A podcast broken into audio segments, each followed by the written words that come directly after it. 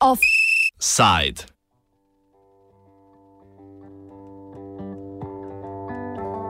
Libijska ujetost v status quo.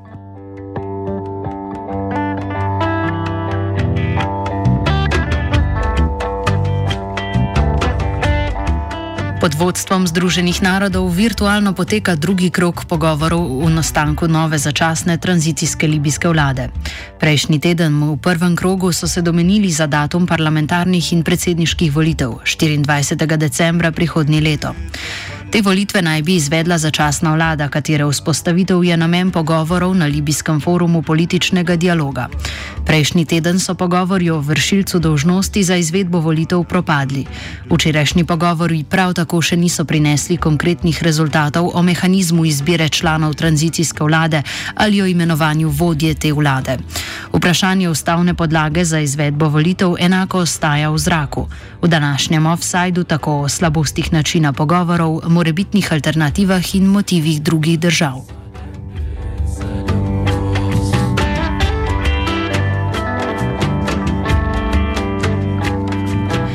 Pogovori potekajo pod pokroviteljstvom Združenih narodov. Ti so tudi izbrali delegate, ki naj bi reprezentativno predstavljali libijsko državo. Delegatov tako niso izbirali trenutni politični libijski organi.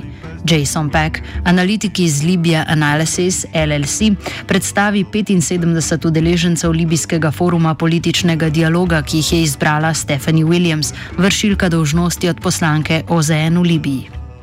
75 Libyans were chosen. In theory, this is supposed to be a representative body and to create buy in and legitimacy in Libya, but it hasn't worked. People attack it as being, on the one hand, too Muslim Brotherhood or Islamist leaning, but on the reverse, too filled with former Gaddafi era individuals. Um, it's it's a random selection with a lot of civil society members and some women and people from the south and from you know different tribal groups it's an attempt by Western, non Libya expert professionals to create a body that is supposed to look like some kind of cross section of various Libyan communities, and therefore it has every every error of tokenism, and uh, I, I see no reason for it. But they've also tried to have so many as 75 so as to dilute the status quo players who've been invited. So by having as many as 75, they can have, you know, these important status quo players, but then there are lots of other voices. It's just a cacophony of voices. And again, it has no legitimacy, it has no legal framework, it has it has no meaning.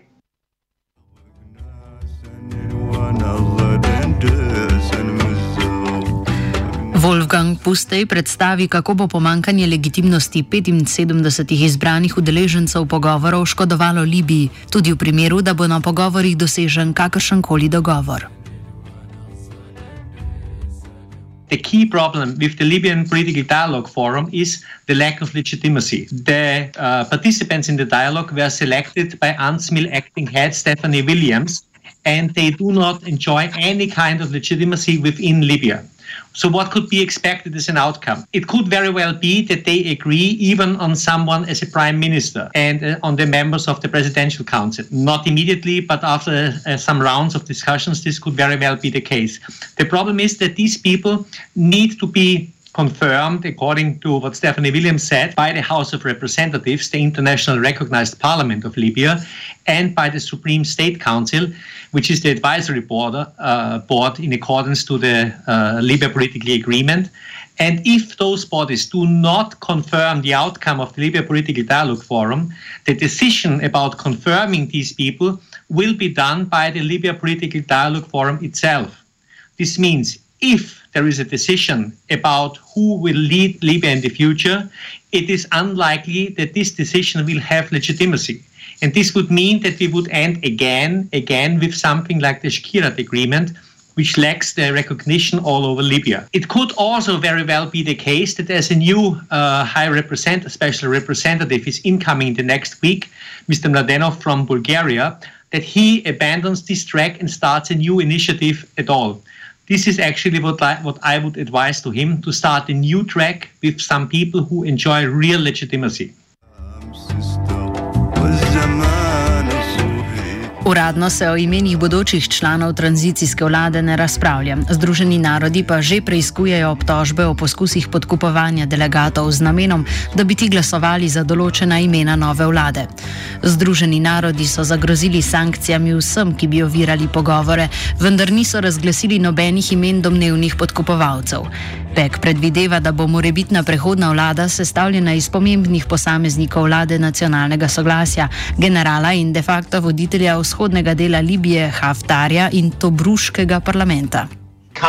De facto power holders will only participate if they're included. What is ending up happening is a kind of dialogue to set a kind of power sharing whereby people who already have power will be reshuffled. So, for example, maybe Fathi Bashagha, the interior minister of the GNA, who's really the most powerful military unifier, will become prime minister. And Aguila Saleh, who is the most important spoiler, the head of the House of Representatives, will become the president. These are people who already have power and are already embedded in the game. The only way that they and their constituencies will participate is if they maintain or actually increase their symbolic power.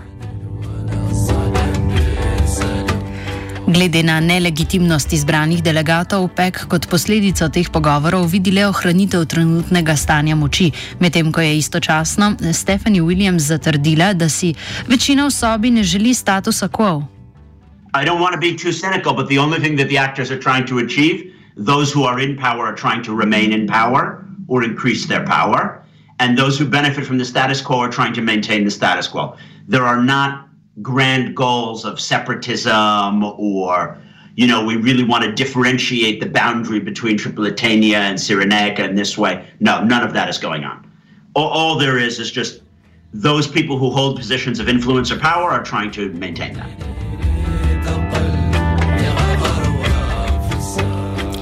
Poleg interesov trenutnih libijskih oblastnikov pa se v Libijo vmešavajo tudi druge države. Nemčija, Italija, Združeno kraljestvo in Francija so oznanili, da bodo sprejeli ukrepe proti komorkoli, ki bo škodoval pogovorom in, s tem, in s tem koncu državljanske vojne. Ravno tako kot Združeni narodi, tudi oni niso specificirali, koga s tem mislijo ali kakšni ukrepi so na mizi. Nasprotju s pasivnostjo teh držav pa je Turčija vojaško in ekonomsko oblikovala Libijo po svoji meri. Januarja 2020 je turški parlament na prošnjo vlade nacionalnega soglasja odobril pošiljanje vojakov v Libijo. Turška zračna vojaška pomoč je bila ključna pri uspehu libijske vojske, ki je prestolnico branila Tripoli med Haftarjevim obleganjem.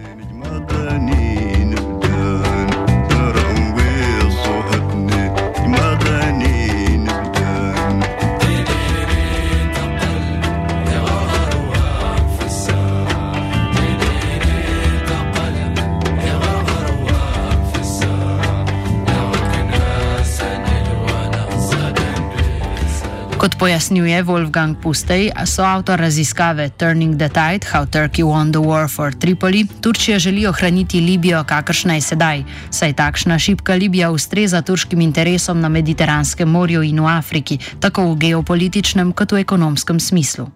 Turkey is pursuing their strategic interests in a very straightforward way. And these strategic interests include not only that they have access to uh, the Libyan economy and that they are able to use Turkey is, uh, sorry Libya as a springboard for further expansion in Africa, but they need also Libya uh, as a partner for the maritime agreement that they have signed last November. This means this maritime agreement, which is illegal by the standards of the international law, is a key argument for all what Turkey is doing in the eastern Mediterranean about the gas explorations and so on and so on. So this means if Libya would eventually break up if Libya would break up, or if the East would have any kind of some uh, more or less independent regime, this memorandum of uh, un- understanding would not be valid anymore. And this means that Turkey needs to keep Libya as an entity, preferably under uh, control of its proxies in Libya preferably under control of an authority in, in Tripoli or uh, under more or less under control of the people in Misrata. Pustejo morebitni turški okupaciji vzhodne Libije v primeru, da Libija neha ustrezati turškim interesom. If this is not the case, the strategic interests of Turkey will be in danger. And this means that this could easily trigger a new attempt by Turkey and by Operation Volcano to take control of the east of Libya by force. Uh, you need to be aware, one needs to be aware that there are several people in western Libya, especially in Misrata and some Islamist groups, who would like to start a new war against the east, to occupy the east better sooner than later they don't believe that uh, what Egypt's President Al Sisi announced that Egypt would intervene military means if uh, there is an attack on the east, if there is an attack on Sirte and on Al Jufra, that this would materialize. I think this is a wrong bet. If uh, Turkey and Operation Volcano would advance towards the east, this would harm vital Egyptian security interests. And this means they would certainly intervene. So the situation could very well escalate. Pustej predstavi alternativni pristop do grajenja nove oblasti, ki bi Libiji omogočil stabilizacijo. For the time being, we've seen only top-down approaches, top-down approaches focusing on a centralized government in Tripoli. And a country, a country uh, in a civil war, uh, after a civil war, cannot be stabilized by having one side, one uh, central power uh, stabilizing the whole country. They will never ever be accepted the way forward for Libya would be a bottom up stabilization process, a bottom up stabilization process using some kind of a federalist model. This means empowering the Libyan regions and empowering the local municipalities. Legitimacy for such a decision could be provided either by the elected House of Representatives and the formally elected uh, Supreme State Council, or it could be provided by the elected representatives of the local municipalities we need to remember that there were successful elections, democratic elections in Libya on a municipal level since 2014. Kot osnovo takšne federalizirane države bi lahko začasno uporabili prilagojeno različico prve libijske ustave, na kar bi jo po nekaj letih zamenjali z novodobno. And the foundation for this could be provided by the first Libyan constitution after independence, which was a federalist constitution. So they just would need to activate, to reactivate this document and replace the king uh, by a presidential council and do some other amendments. Especially, they should include into such an interim constitution, they should include in such an interim constitution a formula for the distribution of the oil revenues. Because uh, Libya is certainly a struggle for many things, but it's first and foremost a struggle for resources. This means for the oil resources.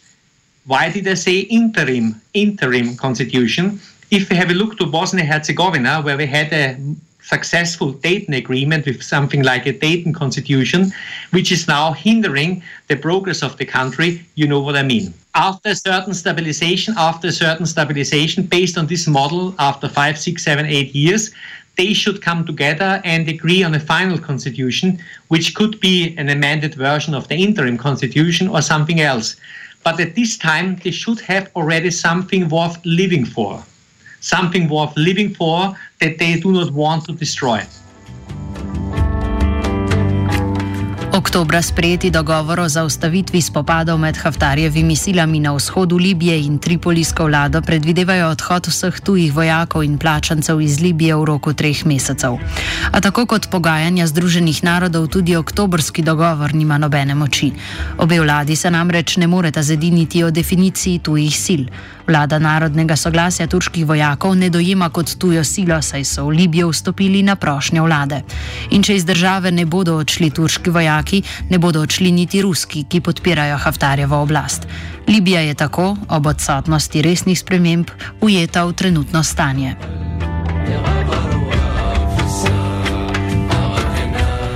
Offside je spisala Geja. Oh. Oh. Oh. Oh.